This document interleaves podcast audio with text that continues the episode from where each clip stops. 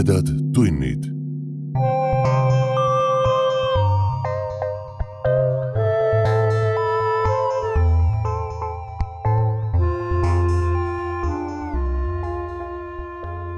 tere, hea ulmesõber! sa hakkad kuulama õudus- ja ulmejutu vestmis podcasti Tumedad tunnid neljakümne kaheksandat osa. mina olen saatejuht Priit Öövel. Neile, kes meid Facebookis ei jälgi, olgu ka siin välja öeldud, et meie Patreoni lehel on nüüd kõigile kuulamiseks avatud enne ainult suurtoetajatele mõeldud Matt Taimerski jutt Püha Tee kirik. Te leiate selle aadressil patreon.com kaldkriips tumedad tunnid pealkirja alt Tumedad tunnid pluss number üks. meie tänase osa kaanekujundusel pole midagi ühist tänase osa sisuga. me lihtsalt tahame näidata oma toetust Ukrainale ja loodame, et nagu muinasjuttudeski saavad head võitu ja kuri oma karistuse. vendade Grimmide näitel näiteks võib selline muinasjutuline karistus olla mõnikord päris jõhker aga see selleks. siiski, kui lootsite meid kuulates täna sõjajuttudest pääseda, siis paraku see ei õnnestu. tänane jutt räägib sõjast. aga veidi teistsugusest sõjast. Ja sõda ise võib-olla polegi selle loo puhul kõige olulisem. sellel lool on kaks autorit. meile juba hästi tuttav Joel Jans ja esmakordselt tumedates tundides kuuldavale tulev Eesti üks staažikamaid ulmekirjanikke, tõlkijaid ja kogumike koostajaid ja ühtlasi ka Eesti Ulmeühingu president Veiko Pelials. jutt on ilmunud Veiko Pelialsi autorikogumikus Surnud mehe käsi, mille andis välja kirjastuse Lummur eelmisel aastal. ja muide, selle raamatu loosime ka kõigi sellekohase Facebooki postituse jagajate vahel välja täpselt nädala pärast, järgmisel kolmapäeval. veel on see jutt ilmunud antoloogias Täheaeg viisteist ajavärav kahe tuhande kuueteistkümnendal aastal ja järgmisel aastal võitis see algupäraste lühijuttude kategoorias Eesti ulmeauhinna Stalkeri. Inspiratsiooni on lugu saanud vendade Strugatskite Keskpäeva maailmast. ma loen teile Joel Jansi ja Veiko Pelialsi ulmeloo Neli kohta peale koma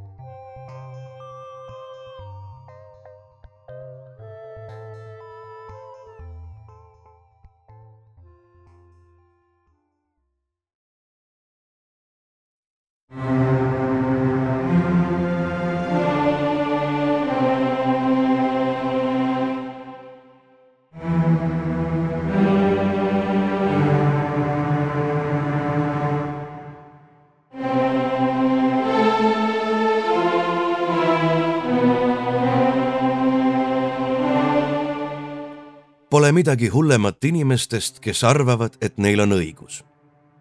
Brombergi postulaat.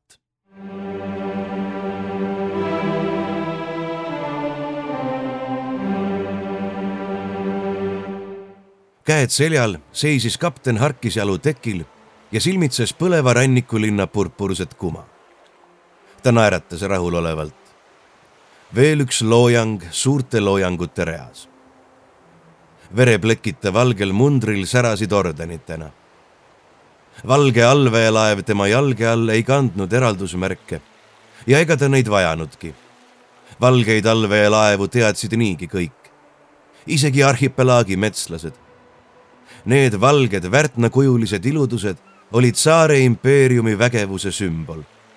selle kilp ja mõõk, karistav rusikas, halastamatu välk ja jumalik kõu ning temal, vanem allveeülem Hurlul, oli au ühte sellist kamandada. merekoletis oli tema au ja uhkus. viis tuhat hoogi võimsust, poolsada liini kiirust, tosin pleisi puhast surma. kapten ajas pea kuklasse ja ta sõõrmed paisusid kapteni kõrval seisva pootsmanni värisevad sõrmed näperdasid taskuklappi ta heitis ülemusele vilksamisi pilgu, silus virilal ilmel mundri rinnaesist ja langetas käe reilingule. hetk hiljem oli käsi taas tasku kallal. kapten silmitses teda põlastavalt. ta teadis, mida Pootsman otsis. selles taskus peitus Pootsmani salajane sõber, lapik pudel kääritatud snaapi. Vanast aristokraatlikust suguvõsast ja puhtast vereliinist hoolimata käitus Pootsman surma nähes endiselt nagu rikutud verega argpüksist mandrirott. limukas, mitte meremadu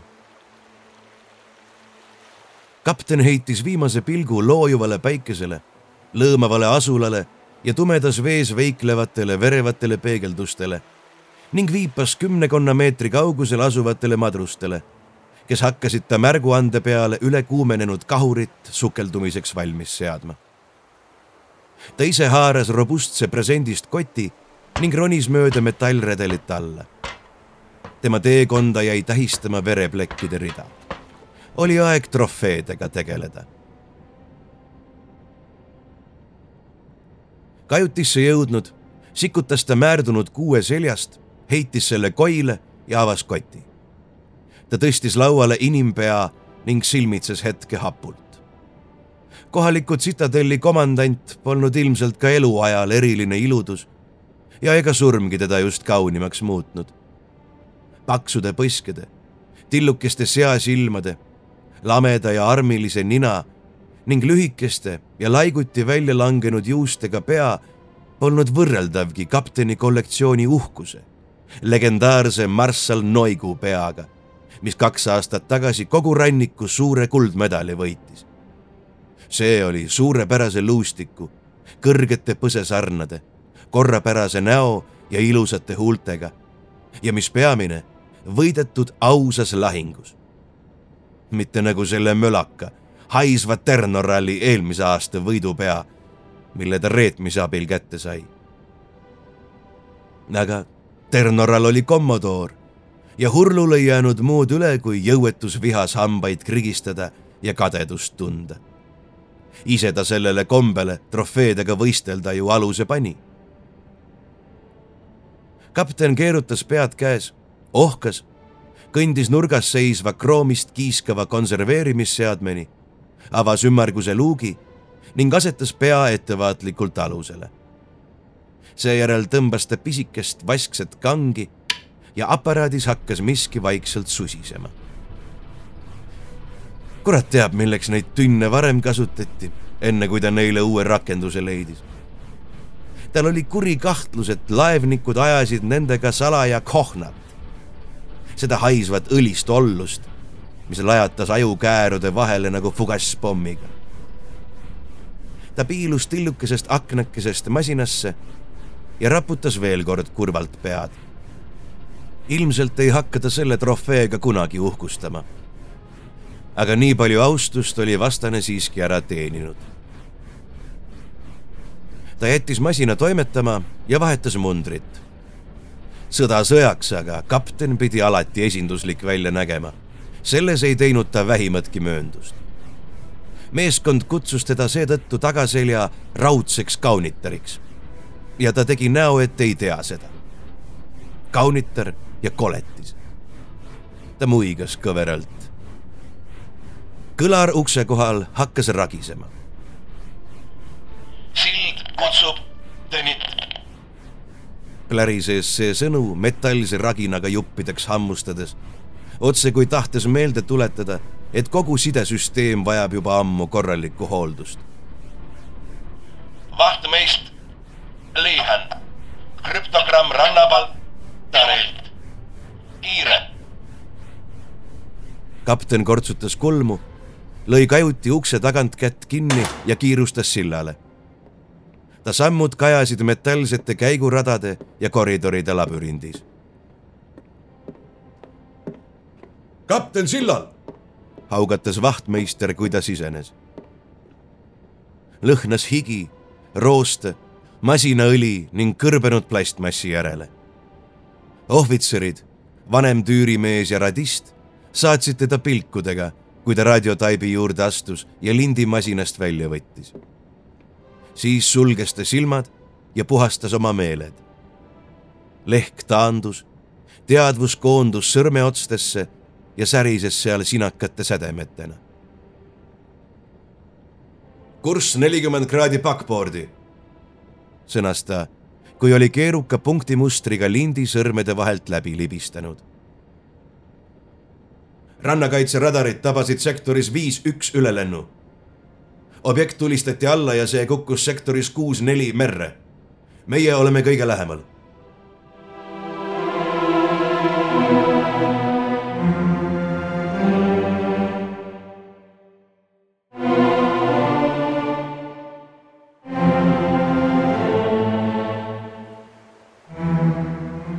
valendav kapsel ulpis mustadel lainetel nagu suur õngekork. väga suur kork, mille juurde kujutlus tohutu õngeridva maalis. kapten Hurlu üritas hoomata, milliseid merekoletisi sellise õngega püütakse ja surus raskustega värina alla. meenusid lood, mida rääkisid süvasukeldujad. hiiglaslikud ähmased varjud mis hämarates veealustes kuristikes tabamatult ja hääletuna mööda libisesid. teadmata kadunud valged allveelaevad, väändunud valge soomuse tükid, mis on mõeldamatuteks kämpudeks pressitud ja mida ikka veel aeg-ajalt merepõhjast leitakse. ei, ei tohi laskuda ebausku. asi on lihtsam.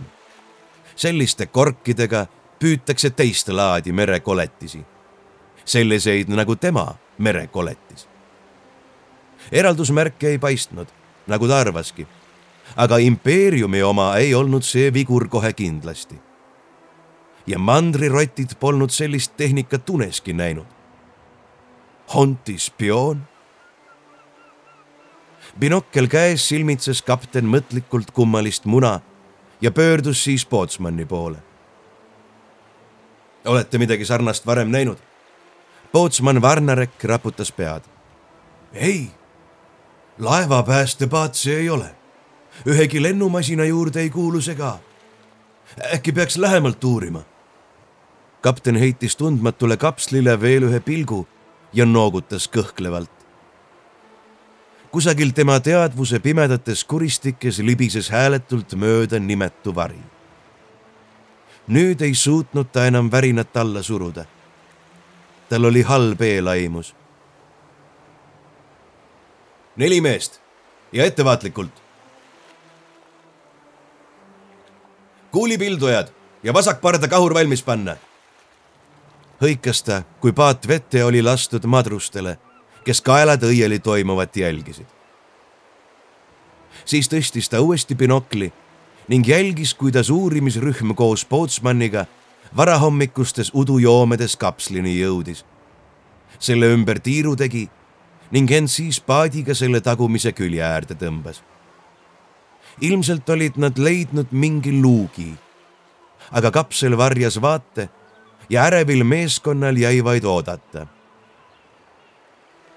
kui paat lõpuks kapsli varjust nähtavale ilmus, istus selles nelja asemel viis meest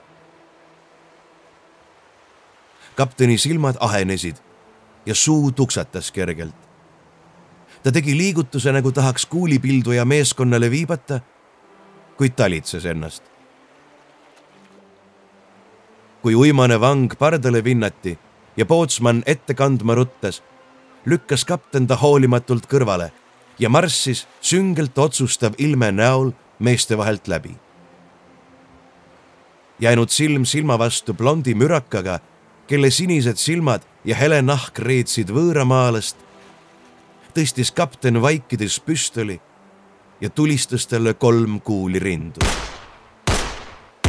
musta liibuva kostüümi rinnaesisele ilmus kolm ümmargust auku, verepisar keskel pärlendamas. kapten tõstis püstoli pool meetrit kõrgemale, aga enne kui ta viimast korda tulistada jõudis astus pootsman tema ja vangi vahele. kapten silmitses teda üle sihiku mõningase üllatusega. sellist julgust poleks ta oma pootsmanilt oodanud. vang, kes oli kaptenit nähes just suu avanud, et midagi öelda, pani selle ohkega kinni ja varises tekile. Hurlu kiikas ümber pootsmani ja torkas relvaga puuri. Te tahtsite vist midagi öelda torkas ta Pootsmanile. ma tahtsin ette kanda, et võtsime vangi, kes tuleks üle kuulata. pahvatas Pootsman. kes andis teile käsu vange võtta? uuris kapten jäiselt. mina seda omast arust ei teinud. asjaolusid arvestades võtsin endale julguse, alustas Pootsman. millest küll sellised ootamatud julguspuhangud? Katkestas kapten teda sarkastiliselt. ma nagu ei mäleta, et te oleksite varem vaprusega hiilanud. Pootsman, kes oli näost tumepunaseks tõmbunud, ahmis õhku. äkki ütlete mulle, miks te seda võõrast nii väga päästma kippusite? ei teinud kapten ta ärritust märkamagi. see võõras, sõnas Pootsman rõhuga, oli ilmselgelt spioon see tähendab, et ta oleks tulnud üle kuulata ja koos kapsliga vastuluuretalitusele üle anda. meie elektroonik, kes kaasas oli, ütles, et ta mitte ainult ei ole selliseid seadmeid kunagi näinud, mis selles kapslis on, vaid et ta ei kujuta isegi ette, mida need teha võivad. nii et teie olete meil siis nüüd vastuluurespetsialist. siis te ju teate, millised käsud olid krüptogrammis? küsis kapten vaikselt kuid ähvardus, mis ta häälest kõlas, sai tänu sellele hoopis suurema jõu. ei, kokutas Pootsman. ei? siis täitke oma kohust ja laske minul enda oma täita. seni olen veel mina selle aluse kapten. vanem allveeülem Hurlu tänas mõttes impeeriumi krüpteerimissüsteemi mida vaid pühendatud lugeda mõistsid. ta ei teadnud isegi, mis teda haaras, aga seda blondi mürakat nähes oli ta paanikasse sattunud. midagi irratsionaalset oli selles hirmus. ja see õigupoolest hirmutas teda veelgi rohkem. ülekuulamise asemel saate lahkamise, sõnas ta ja pöördus minekule. aga pea jääb mulle lisas ta üle õla tekil lebavale spioonile viimast pilku heites. sellest saab veel kollektsiooni ehe. lahkudes viipas ta pardakahuri meeskonnale ja enne kui Pootsman ahhetadagi jõudis, pööras kahur mootorite surinal koonu valendava muna poole. kärgatas plahvatus, veesammas kerkis taevasse ning kapsel prahvatas leekidesse hetk hiljem tungis vesi tekkinud avausest sisse ja kapsel kadus sisinal silmist.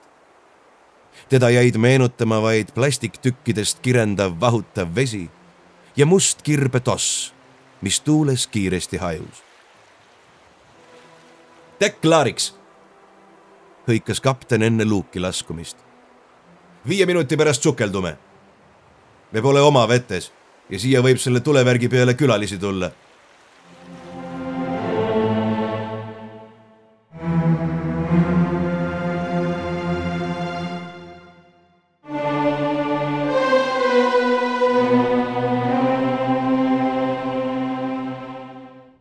meeskonnaruumist kostis lusikate ühetoonilist klõbinat vastu pläkkkausse. mehed sõid tõsiselt ja vaikides ning nende lusikad liikusid kui hiiglasliku masinavärgi kepsud ühtlases taktis üles-alla. kord ja täpsus. kapten silmitses neid hetke rahulolevalt ja jätkas siis oma ringkäiku lühikest koridori mööda ohvitseride messi suunas minnes kuulis ta ootamatult oma nime ja tardus paigale. kuritegelik, selline võimalus käest lasta. kostis ukse tagant Pootsmanni kõrgendatud hääl. ma ütlen teile, et see asi ei ole puhas. see lõhnab juba sabotaaži järele. egas kommodoor ilmaasjata isiklikult käskinud tal silma peal hoida kapteni käed tõmbusid rusikasse või nii on siis lood? nuhk pardal. ta lõi ukse lahti. erinevalt lihtmadruste juures nähtud korrast valitses kajutis kaos. elektroonikaohvitser lösutas koikul, saapade lahti nööritud, peamasinist üritas läkastades lapikut selja taha peita ja Pootsmanni mundrikuuel oli kolm nööpi lahti. Kapten tundis, kuidas veripunane raev kõrvetistena mööda söögitoru üles ronib. ta hambad paljastusid hundilikus irves. Pootsman, kes seda ilmet hästi tundis, upitas vastu tahtmist tagumiku maast lahti ja ajas enda nööpide kallal pusides püsti. selgitage oma väljanägemist, Pootsman, sõnas kapten vaikselt. me, ma, me, meil, meil on, meil on isiklik aeg. äkki ütlete veel, et teil on linnaluba? sähvas kapten. allveelaevas ei ole sellist asja nagu isiklik aeg. kui madrus on pardal, on ta teenistuses. ma pole madrus solvus Pootsman. ja te pole andnud käsku vaba aeg ära muuta. õige, te pole madrus. veel. Aga kui tahate, siis annab ka selles osas üht-teist ette võtta. urises kapten. mis aga käsku puutub, siis madrustele jagatakse käskusid. kõrgemad ohvitserid teavad ise oma kohust. millal teie valvekord algab? tunni aja pärast eksite. Teie valvekord algas viis minutit tagasi. hilinemise eest saate hoiatuse. marss sillale. Kuulen, kapten. pressis Pootsman läbi hammaste, andis au ning marssis kangetel jalgadel ruumist välja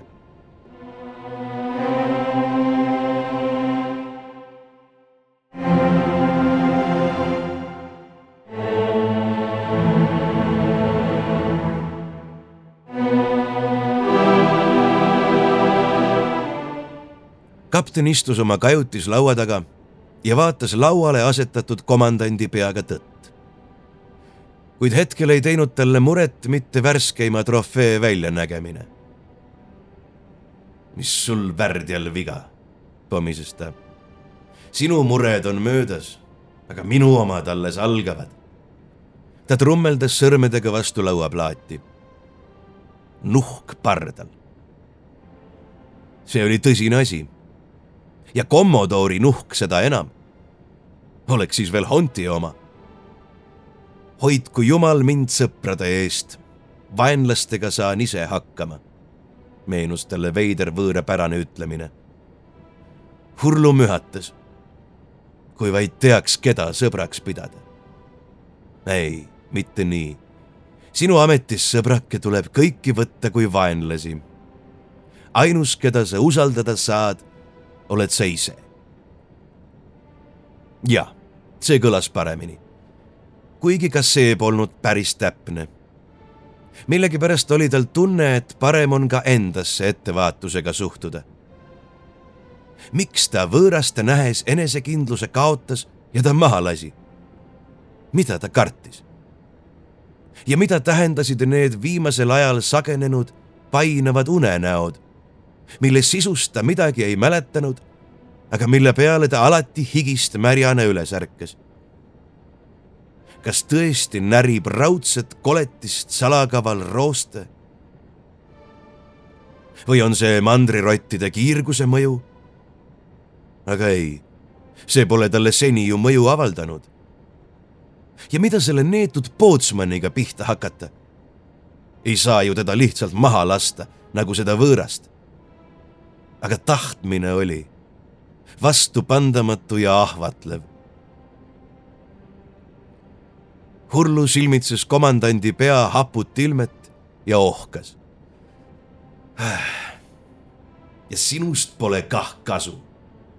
lasi ta pea otsmikule nipsu. kommutaator hakkas plärisema. sillalt kanti ette, et sonar on tabanud lähenevate sõukruvide heli tulen, haugatas Hurlu. kõhklused olid kadunud. lahing oli stiihia, kus ta tundis end kui merekoletis vees. oleme läheneva flotilliga ristumiskursil. mootorid töötavad vaiksel käigul. kaugus esimese aluseni kolmsada ühikut. raporteeris vahtmeister. kapten noogutas. tõuseme periskoobi sügavusele ta jälgis, kuidas sügavusmõõdik ülespoole ronis, surus siis näo vastu vaateava jahedat kummümbrist ja asetas käed juhtimishoobadele. läätsedelt ja prismadelt peegeldusid ta võrkkestale kolme raske hävitaja sünged siluetid. impeeriumi lõõsk klassi kuuluvad soomusristlejad olid oma suurekaliibriliste kahurite ja kümnete turritavate süvapommi heitjatega iga ranniku asula ning allveelaevniku hirmuks. lõõskade taga tulid kiirgurlaevad. kontrollmastide püha Elshameri tuledest ümbritsetud teravikud taevasse sirutumas. kapten kujutas ette, kuidas lõõskade madrused eufooriast tülgastavaid loosungeid karjuvad ning mundrinööpide raginal patriotismist punnitavad. võitlusest polnud juttugi. Kui nad tahtsid terve nahaga pääseda, tuli tegutseda targalt ja ettevaatlikult mootorid seisma, sukeldume, kamandas kapten Hurlu. ja mitte üks piuks. eetris täielik vaikus. loodetavasti mööduvad nad meid märkamata. kus pootsman on? praegu oli mõistlik see salakaval lurjus silma all hoida. Velskri punktis, lahkavad vangi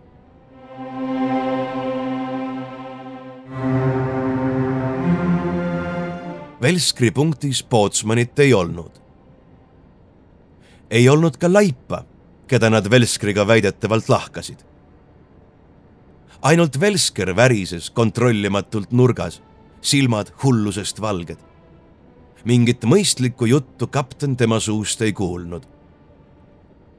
mõnda aega üritanud, lõi ta lõpuks käega ning tormas vandudes otsima.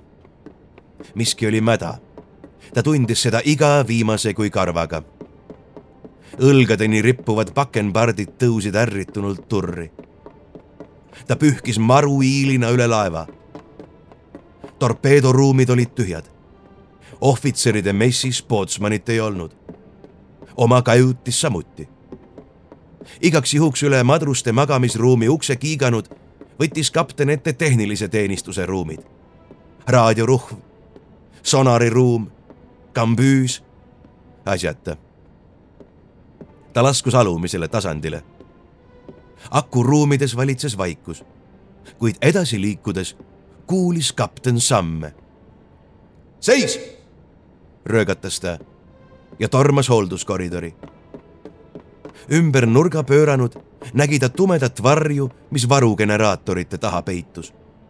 kostis lask ja kuul vingatas rikošetist lakke kapten viskus kõrvale ja lõi pea vastu piiret marraskile. ärge mängige lolli, Varnarek, hüüdis ta pead hoides ja nägu krimpsutades. olukord polnud kiita. Pootsmanil oli relv, temal mitte. käsivõitluses poleks Pootsmanist talle vastast. aga sellest teadmisest pole vähimatki kasu, kui Pootsman ta enne maha laseb.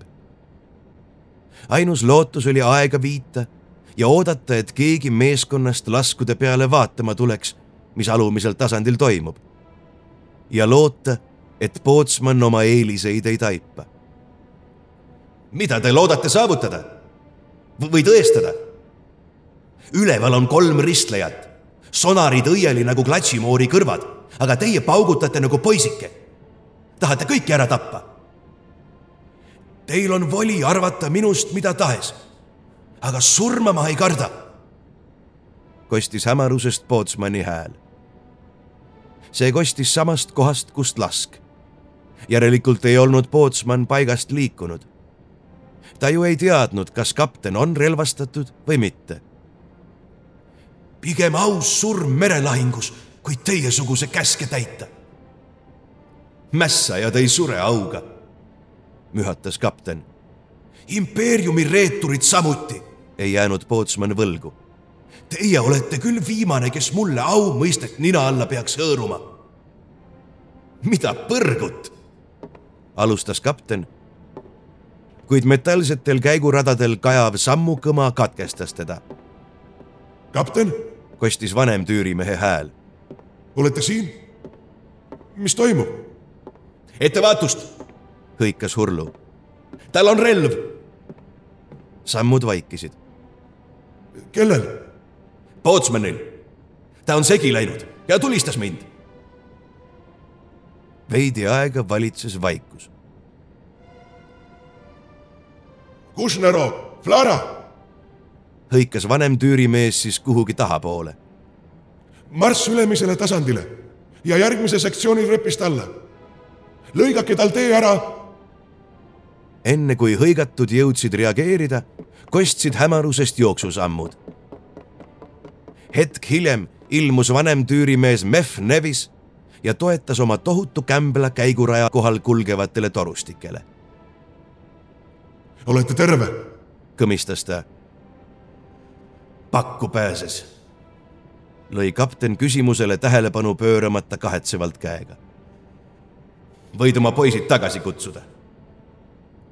Mehv muigas. Pole kedagi kutsuda. ma olin üksi. nii et Pootsman ei pääsenud pakku, vaid sunniti taktikalise manöövri abil positsioone maha jätma.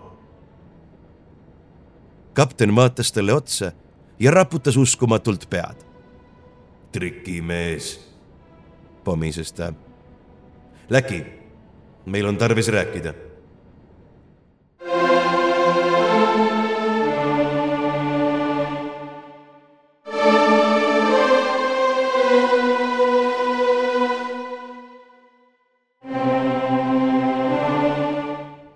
Nad istusid tüürimehe kajutis teineteise vastas.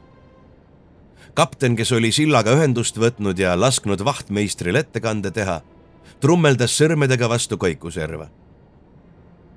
hävitajad on peatunud. ilmselt püüdsid sonaride lasu kinni ja nüüd üritavad nad meid välja peilida, sõnas ta. meil pole palju aega. seepärast räägime lahtiste kaartidega, Mef. Ma tean, et te töötate vastuluurele. kas te teadsite, et Varnarek on Commodori nuhk? vanem tüürimees silmitses teda hindavalt. me alahindasime teid, kapten. vastuseks teie küsimusele jah, me teadsime. ja vastuseks teie järgmisele küsimusele, kui me juba kaarte avame, me ei öelnud seda, sest meil on temaga ühine vaatlusalune. Teie allika kaudu Commodori kantseleis oleksime me saanud lisaandmeid, mida saadab Pootsman. nii-öelda teine vaatenurk. minu vastu tunneb huvi vastuluure. milles mind kahtlustatakse? esialgu ei milleski. me vaatleme. me ei usalda teid. Õige mul uudis, pomises kapten ma ise ei usalda ennast ka. hüva. olukord on järgmine.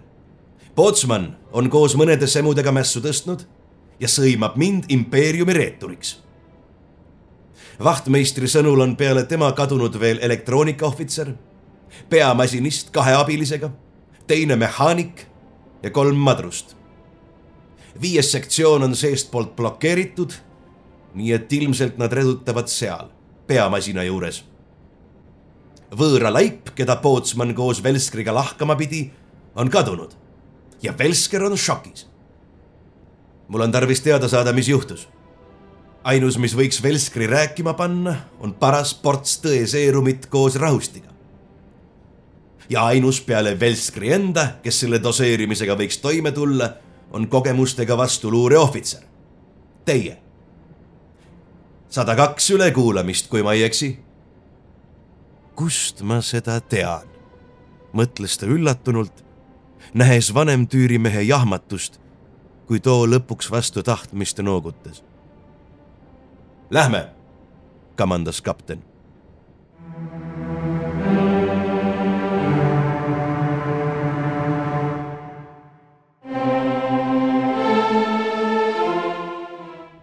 ukse hääl pani Velskri võpatama. ta kattis näo kätega ja hakkas end õõtsutades midagi soiguma. kapten viipas käega, otse kui öeldes palun, mis ma ütlesin.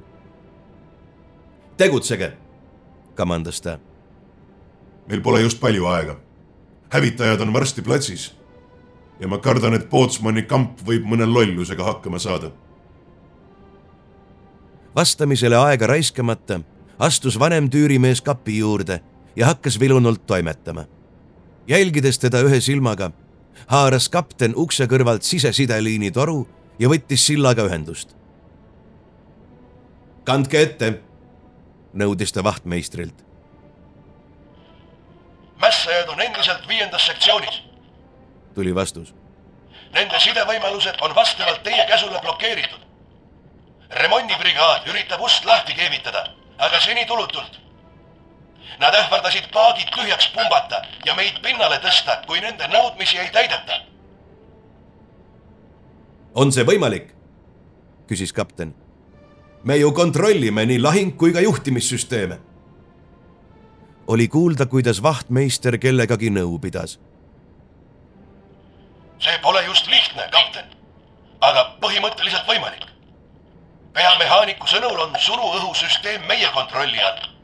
aga avariisüsteem on õnnetuste puhuks dubleeritud käsijuhtimisega.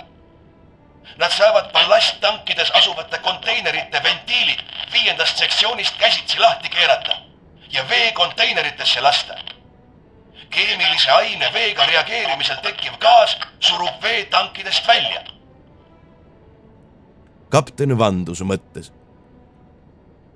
Ja mida nad siis nõuavad?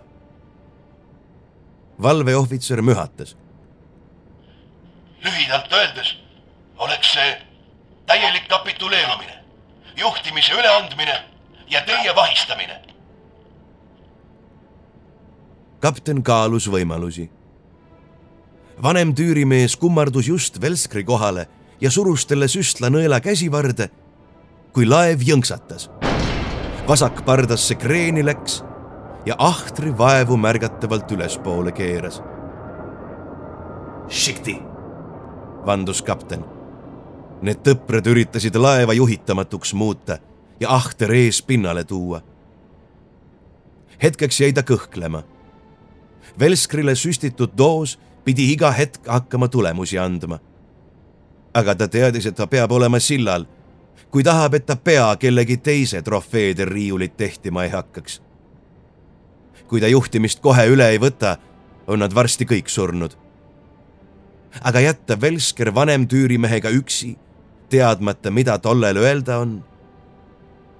kus on laip ja mida nad lahkamisel avastasid? miks Pootsman äkki ära pööras ja millega ta teisi veenis? kapten ägas. Impeeriumi vastuluure väliagent oli viimane inimene, kellele see info kandikul kätte anda. aga mässav Pootsman ei jätnud talle muud valikut. ta virutas toru hoidikule. kannad kohe ette, kui ta midagi asjalikku räägib, heitis ta tüürimehele. ma olen sillal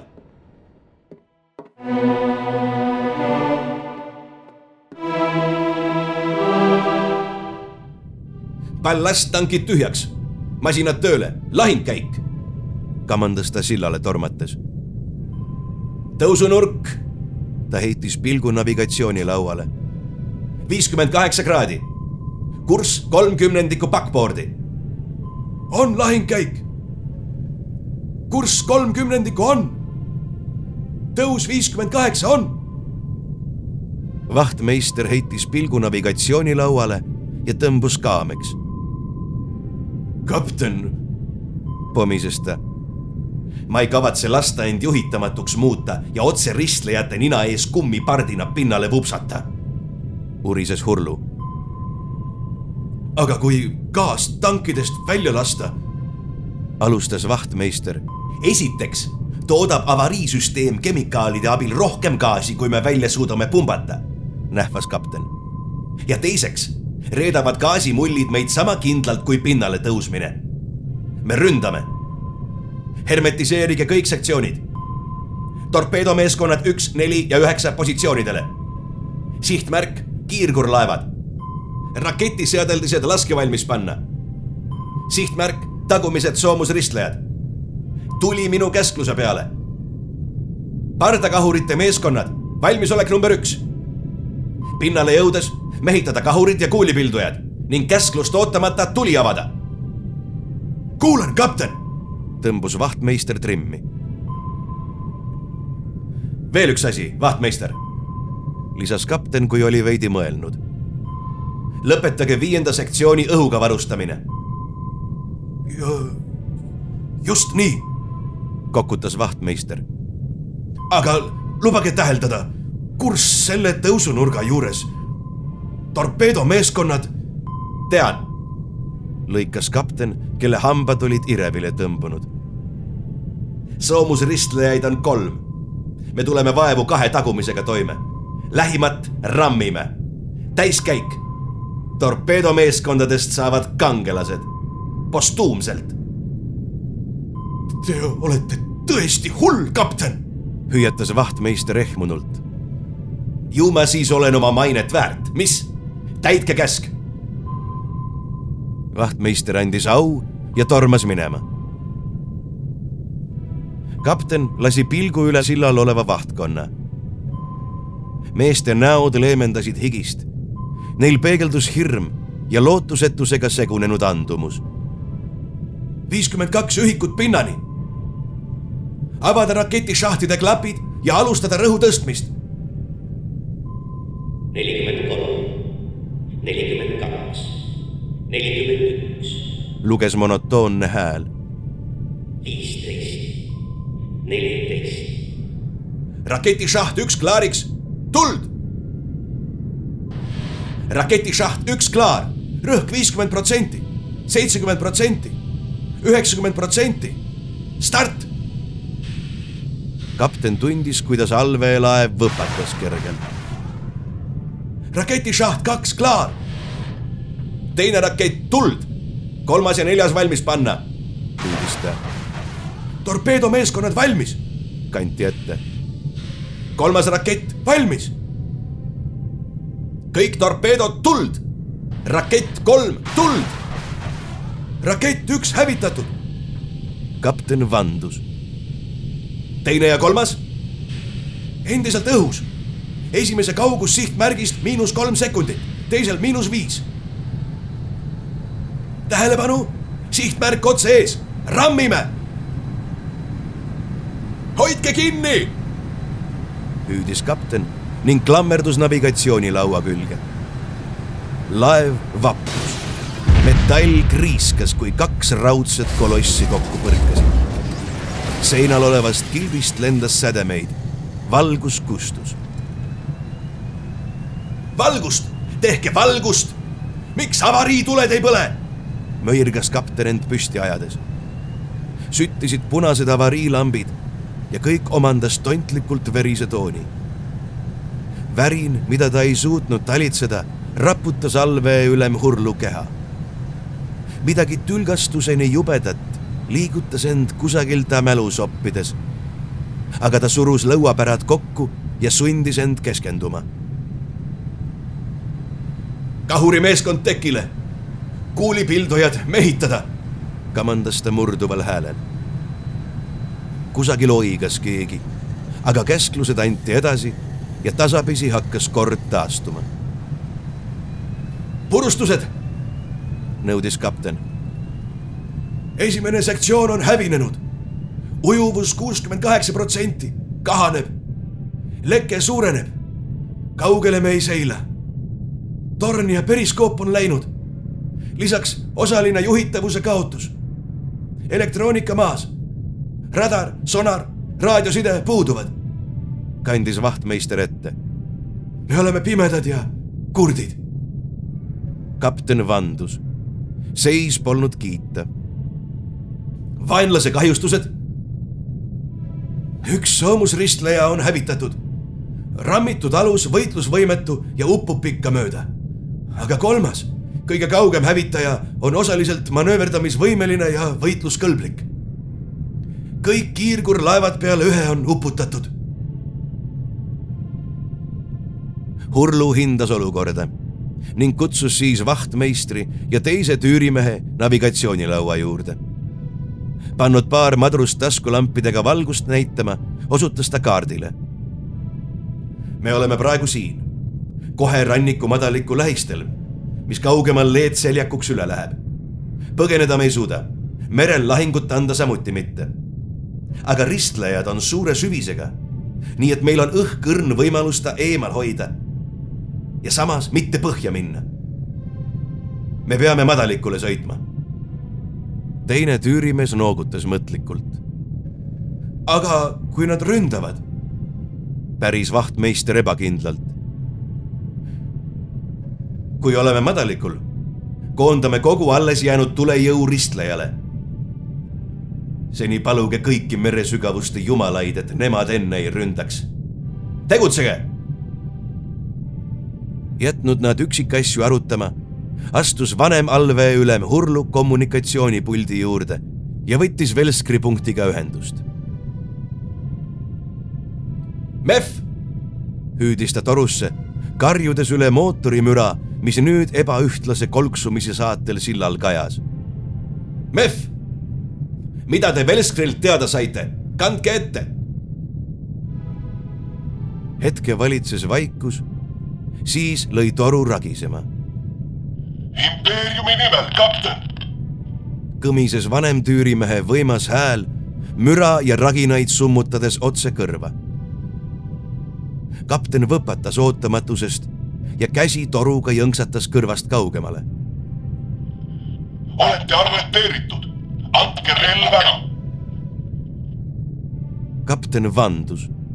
tüürimees ka. on see mingi nakkus või? mis kurat sellel laeval küll toimus? torust kostis mingit jändamist, ähkivat häält, kajav plaksatus, mis meenutas ebameeldivalt lasku ja karjatus. Siis jäi torus vaikseks. Mehv, karjus kapten torusse. vastake. vaikus.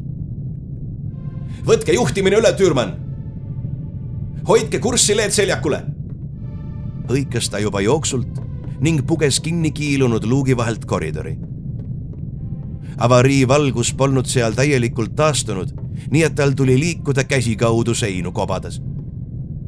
Kuskilt kostis teravat sisinat, saabaste klobinat metallastmetel. pumbad müdisesid, kusagil vandus keegi. siin-seal vedelesid surnud. keegi oigas Velskri punkti uks oli pärani.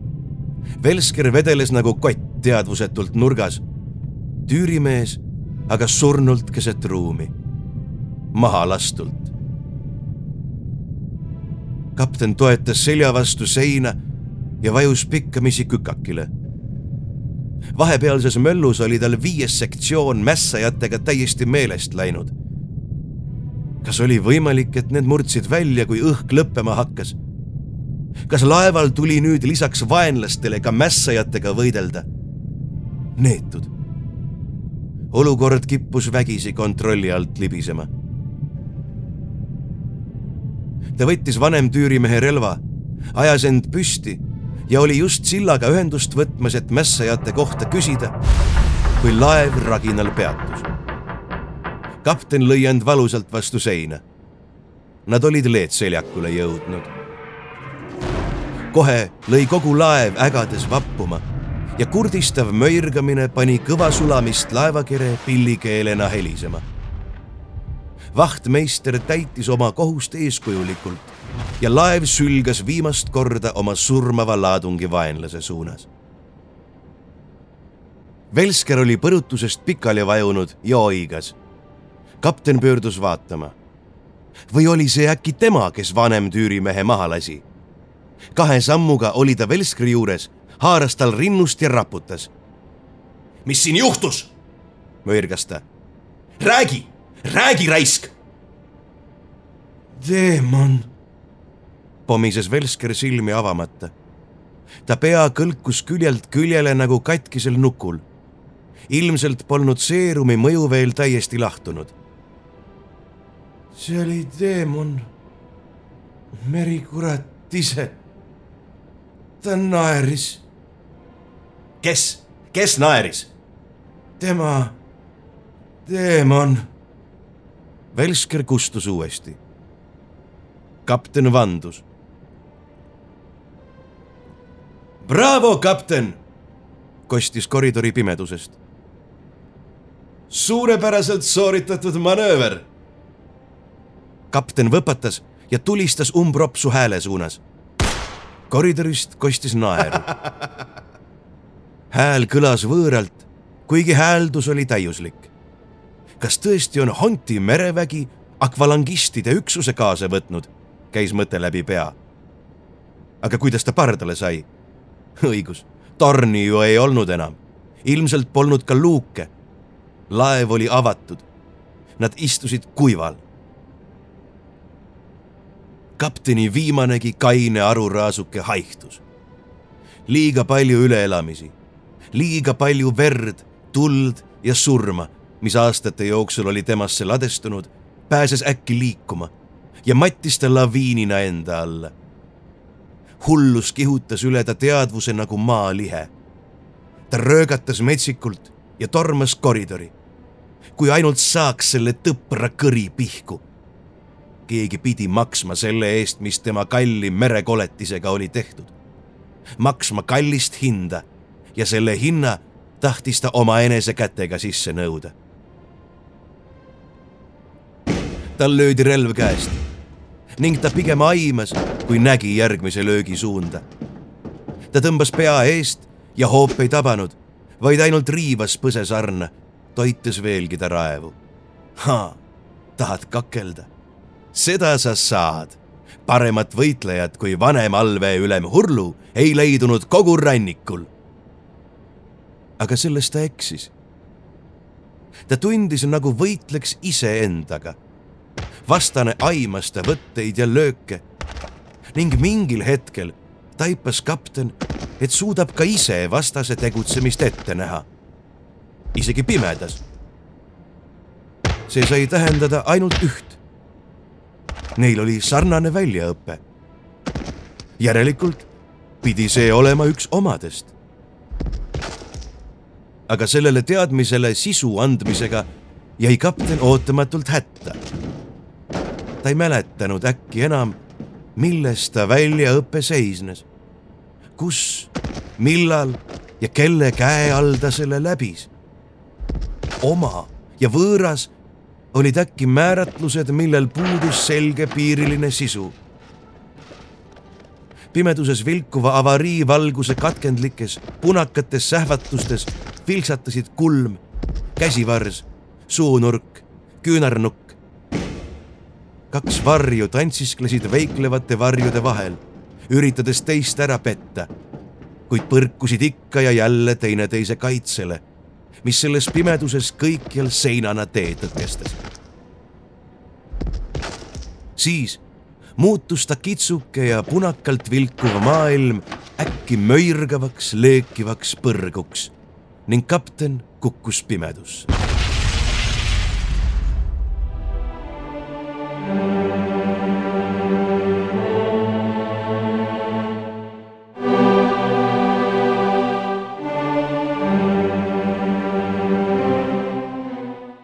Kui ta uuesti teadvusele tuli, nägi ta esimese asjana endale näkku suunatud relvatoru. rahu, kapten, kostis võõras hääl, mis kõlas ometi kuidagi tuttavlikult. ilma lollusteta. mis juhtus? pomises Hurlu. tankid, rannikupatrull, kolm draakonit. kapten vandus miks me ei võitle? küsis ta siis kuulatades. laevast kostis ainult meeleheitlikku oigamist ja ägamist. keegi karjus, nagu nülitaks teda elusalt. kolmas kiirgurlaev ei uppunud. kogu meeskond on rivist väljas, sest me oleme kuival ja auklik soomus ei kaitse enam kiirguse eest. meie teiega oleme ainsad võitlusvõimelised inimesed pardal kui me tahame ellu jääda, peate mind aitama. kuidas? uuris kapten ettevaatlikult. ma panen püstoli ära, kõlas pimedusest vastus. Te ei tee katset mind rünnata, või midagi muud meeletut ette võtta. pardakahurid on terved. me tõuseme tekile, võtame kumbki ühe kahuri ja tambime selle patrulli maa sisse. Pärast, no ma loodan, et mul jääb siis aega teile üht-teist selgitada.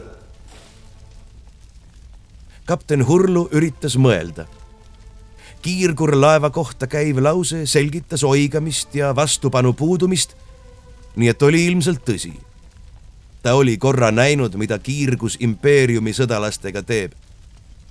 see oli kohutav vaatepilt. mandrirotid läksid patriotismist ogaraks, möirgasid oma rõvedaid laule, silmad punnis ja ila tilkumas. õiged meremehed aga kannatasid põrgu piinu kui nad selles olukorras tõesti tankipatrulli otsa sattusid, on neil ots peal. seni olid nad ilmselt elus veel ainult tänu sellele, et laev nägi niigi välja nagu vrakk. Neid peetakse ilmselt surnuks ja tõenäoliselt saadab komandör luuresalga kontrollima. See aga tähendab, et neil on võimalus, isegi kahekesi. üllatusmoment on võimas liitlane Nad peavad vaid jõudma enne kahuriteni, kui luuresalk jõuab laevale. olgu, urises Hurlu. välja ikka pääseb. jah, kõlas napp vastus. kitsas seal ju on, aga saame hakkama. Minge siis ees. ma annan ohvitseri ausõna, et kuni patrull pole hävitatud, ei ürita ma teid rünnata kostis mühatus kui te oleksite impeeriumi ohvitser, ma vist isegi usuksin seda ausõna. aga te ei ole, Baumann. nii et hakake astuma. ma olen impeeriumi vanem allveeülem Hurlu, ajas kapten lõua väljakutsuvalt õieli. kordumatu auordeni kõikide järkude kavaler ja aadelkoja liige ma tean teie identiteeti siin maailmas. mul on kogu teie neetud toimik peas, katkestati teda. kui me ellu jääme, seisab meil sel teemal ees pikk ja kurnav vestlus. aga selleks tuleb esmalt ellu jääda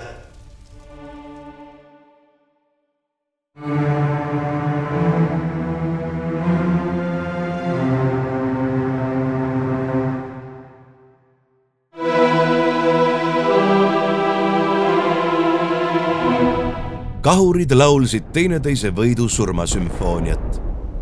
laev, mille valge värv oli sulanud ning tahmunud, pidas oma viimast lahingut. viltu vajunud vrakis, mille külgedes haigutasid mustavad rebendid, oli raske ära tunda merede hirmu, kuid tema vaim polnud veel murtud. allveeülem Hurlu hingas täiel rinnal tule ja mere soolast hõngu. ta hing hõiskas lahing oli miski, mida ta vajas nagu õhku. surmalaine harjal surfamise adrenaliin vahutas ta veres.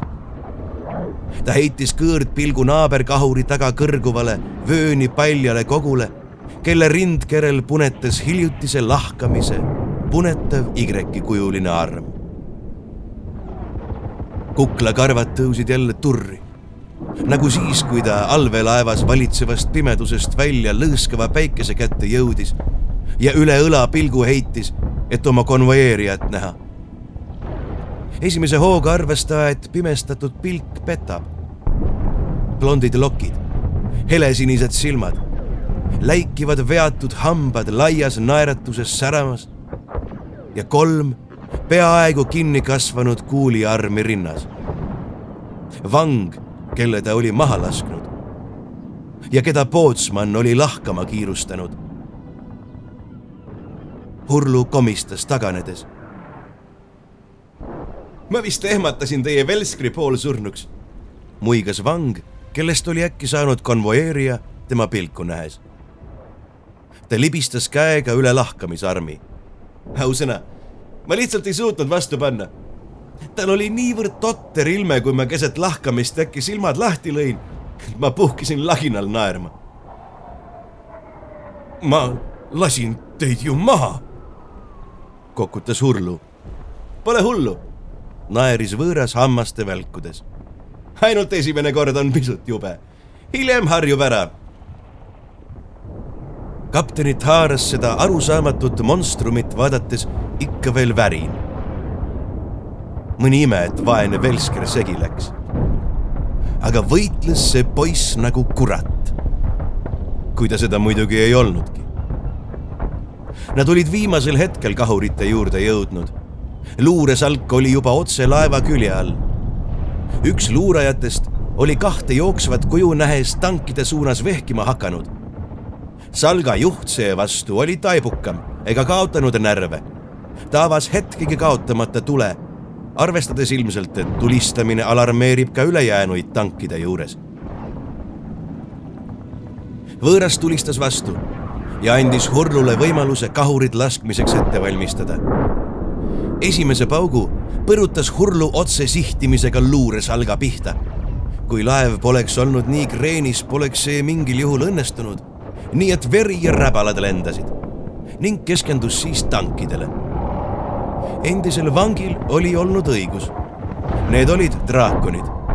aga nagu kapten läbi sihiku nägi, oli õnneks tegemist vanema mudeliga kui sa teadsid, kus neil õrnad kohad on.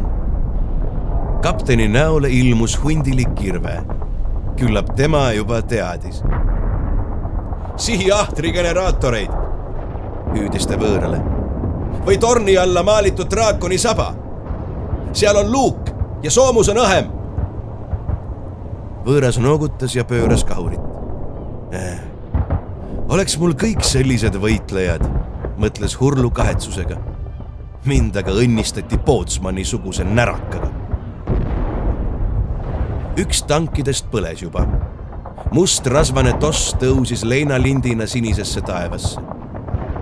teine draakon, mille vasakpoolne roomik oli maha jooksnud, üritas laskeasendit säilitada ja vappus nagu krampides tõmblev loom. Hurlu saatis ta ahtrisse mitu mürsku järjest ja tank lahvatas leekidesse tõrge. Hurlu heitis pilgu näidikutele. moon oli otsas. ta käivitas tõstuki, aga söötemehhanismi ilmus üks tühi alus teise järel. teise laaduri asi oli all laos kassette vastavalt vajadusele tõstukitele suunata. Aga nad olid kumbki üksi. meeskond oli rivist väljas. Hurlu vaatas ringi. kolmas tank oli ikka veel töökorras ning üritas just luite taha varjuda hei, hõikas kapten. võõras pööras pead. moon, karjus Hurlu ja näitas, et läheb alla tõstukeid laadima. võõras kaalus hetke ja noogutas siis. Hurlu sööstis purustatud tornirusude suunas.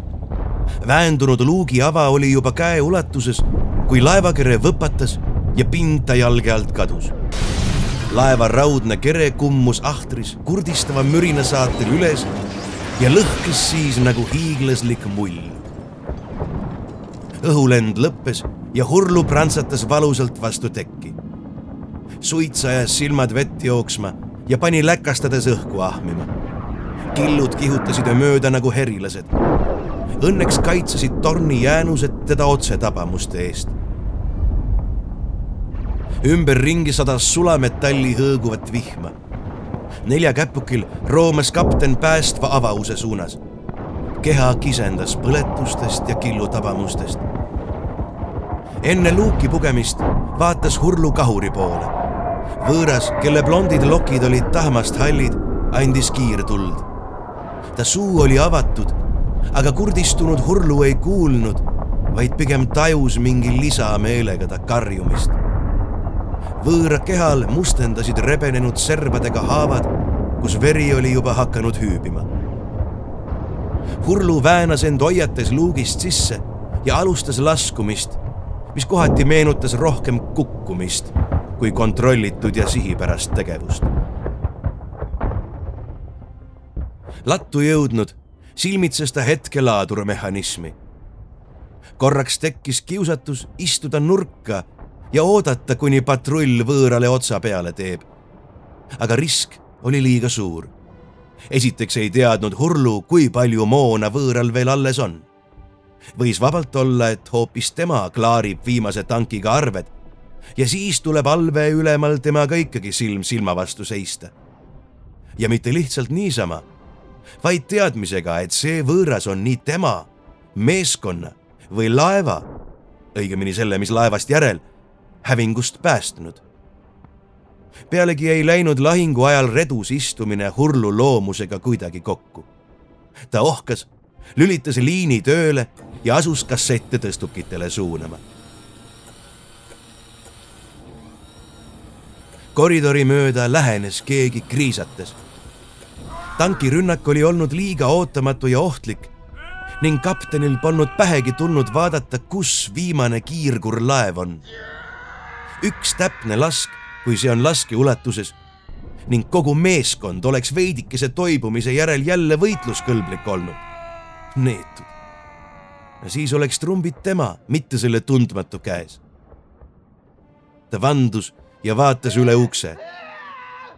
Üks noorem ohvitseridest peatus avariilambi all, kriipis küüntega nägu ja peksis pead vastu seina.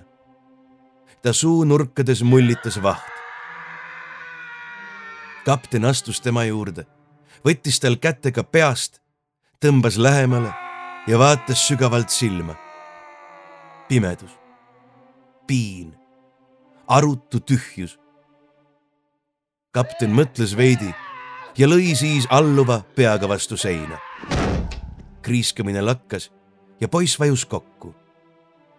ajutine kergendus nii talle kui mulle. Hurlu silmitses noorukest ohvitseri, kükitas siis ja võttis ta vöölt püstoli. nüüd oli ta jälle valmis võõraga mõtteid vahetama. ma ju ütlesin ärge tehke lollusi, Baumann, kostis selja tagant etteheitev hääl. allveeülem taipas, et laskude kanonaad on juba pikemat aega vaikinud.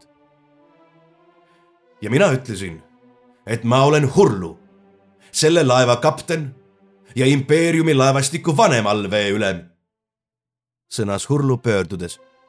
kuidas seal on? nookas ta ülespoole kombes, kehitas võõras õlgu. Lisamoon kulus õigel ajal ära. rohkem nad meid ei tülita.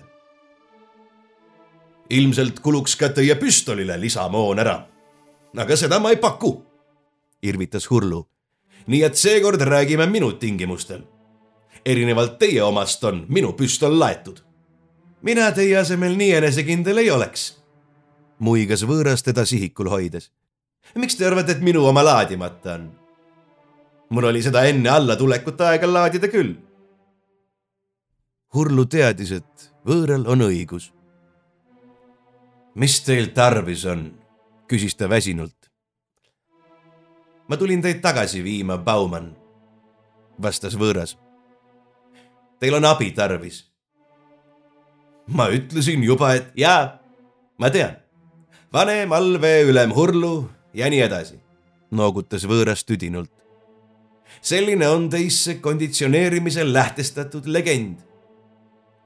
Te olete progressor, Baumann, Comconi operatiivtöötaja maalt, kes saadeti Sarakšile ülesandega imbuda Saare impeeriumi laevastikku. Te saite ülesandega suurepäraselt hakkama. aga siis läks midagi viltu ja pärast lahingut Vahasha all ei võtnud te enam ühendust. Lakkasite ettekandeid saatmast, katkestasite kõik kontaktid ega ilmunud enam arstlikesse kontrollidesse. edasi oleme teid jälginud ainult kaudsete allikate kaudu ja pilt on ausalt öeldes hirmuäratav. üks infoosakonna tüdrukutest tuli ainuüksi teie kohta käivate ettekannete lugemise tõttu närvivapustusega ravile saata meie psühhoteenistuse osakonna poisid on arvamusel, et teil on ilmselt süvenev isiksushäire, mille põhjustas Vahasha lahingust saadud šokk. seda tuleb vaatamata hoolikale psühhosondeerimisele ja eriettevalmistusele ikka veel aeg-ajalt ette, et progressor ei suuda leppida julmustega, milles ta osaleb muidu kui oma isikut maha surudes ja variidentiteeti omaks võttes nii ei olegi teie jaoks psüühilise kollapsi ärahoidmiseks massimõrvades süüdi mitte Giedrius Baumann, Leedus sündinud ja Moskva ülikoolis ksenopsühholoogiat õppinud progressor, vaid impeeriumi vanem allveeülem Hurlu, barbar ja sadist, hull kapten, nagu teda laevastikus kutsutakse. meenutage Baumann, meenutage Vahasha lahingut, meenutage, mis oli enne seda, käis võõras peale Komovi läve arvuline ekvivalent. käratas ta siis äkki eksamineerija tooniga. Hurlu raputas pead. Te olete arust ära, pomises ta. mingist lävest polnud ta kuulnudki. mina, teie olete see, kel ülakorrusel kõik korras ei ole. Nähvas võõras. ainus, mis mind praegu takistab teid teise ilma saatmast on teadmine, et te olete progressor nagu minagi. kolleeg, kes vajab ravi. ja pideme täis tina ei ole veel kunagi kedagi millestki terveks ravinud. mis siis edasi? päris hurlu võõralt. jäämegi siia teineteist põrnitsema, kirbul hoidma ja hulluks sõimama. Lähme tekile tagasi, pakkus võõras maailmanõukogu otsusega olete ajutiselt teenistusest kõrvaldatud kuni rekonditsioneerimiseni ja rehabilitatsioonitsükli läbitegemiseni Pandoral. ausalt öeldes tuli šefil kõvasti vaeva näha, et maailmanõukogu teid sõjakurjategijana tribunali alla ei saadaks. kohe tuleb kohale Glider ja viib meid baasi. kui te ennist teadvuseta olite, häälestasin ma teie majaka veidi ümber. Muide kogu lugu šifrogrammiga rannavalvepatareilt oli ka osav võltsing. mind ei lastud alla, vaid ma maandusin ise ja saatsin ise ka sõnumi, et te mind peale võtaksite. aina osavamalt töötavad saatanad, mõtles Hurlu Honti spioonidest tunnustavalt. ainult et kust nad selle muna said? aga kui see oli osav pettus, butafooria me ju lasime selle kohe puruks. miks ma õigupoolest seda teha käskisin? jumalat küll, ma ju kartsin. mida? miks ma seda võõrast tulistasin? mida ma unes näen? selle võõra helesinised silmad olid äkki nagu laskepilud, kust sähvatas metallne uuriv pilk. Hakkab meenuma noogutas ta. mida te Vahasho lahingust mäletate? see oli edukas operatsioon. triumf kogu impeeriumi võitmatule laevastikule, kuulutas Hurlu ilma erilise veendumuseta. ja aga edasi? ei jätnud võõras jonni. Suursaare tapatalgud, üle kümne tuhande tapetu. Te olite seal, kas pole? Kapten teadis äkki mida ta unes nägi. ta silme ette kerkis loojangu päikest kattev paks napalmisuits. mererannal verevate meritähtedena lamavad nülitud laibad ning rannalombid, kus verd oli rohkem kui merevett. palmid, mille otsas kõlkusid kobaratena poodud. lõkked, kus halgude asemel olid inimkehad. välja lastud soolikad, välja lastud looted verised käed, tema käed. ta pilgutas silmi ja üritas seda vana mälestust alla neelata, aga see istus kõris kinni nagu kont. ja siis äkki meenusid teistsugused loojangud. kumera, kumera, mitte nõgusa silmapiiriga mere ääres. valged ööd, liivased merevaigurannad, palanga vaikne sosin nagu õrn tuuleõhk. Geedrius. ja siis veel üks loojang, külm ja kõle ja vaikne. kõik jutud olid räägitud, kõik otsused tehtud ning šefi külmad, virvatuledena säravad rohelised silmad. Teda haaras värin pea lõhkus. õhk tahtis otsa saada. hingematev paanikasegune lootusetus vajus peale nagu hall sein. mäss, vastuluure kahtlustused, laeva kaotus, allajäämine selles spionaažimängus, täiendavate rannapatrullide saabumise võimalus, kõik kaotas äkki tähtsuse. jäi vaid üks ammu ununenud pisiasi, mis ilmus lõõmava nägemusena ta silme ette ja varjutas kõik muu.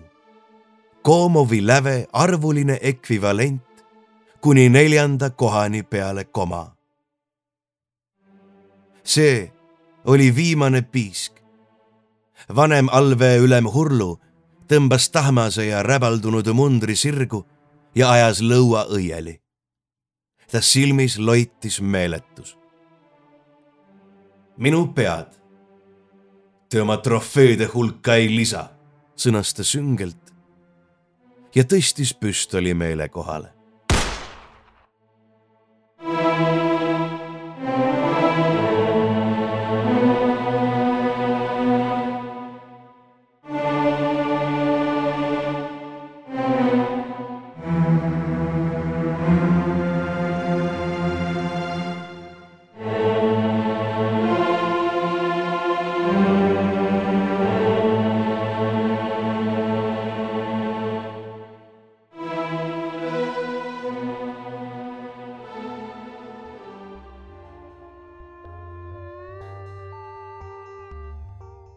kuulsite Joel Jansi ja Veiko Pelialsi ulmejuttu Neli kohta peale koma.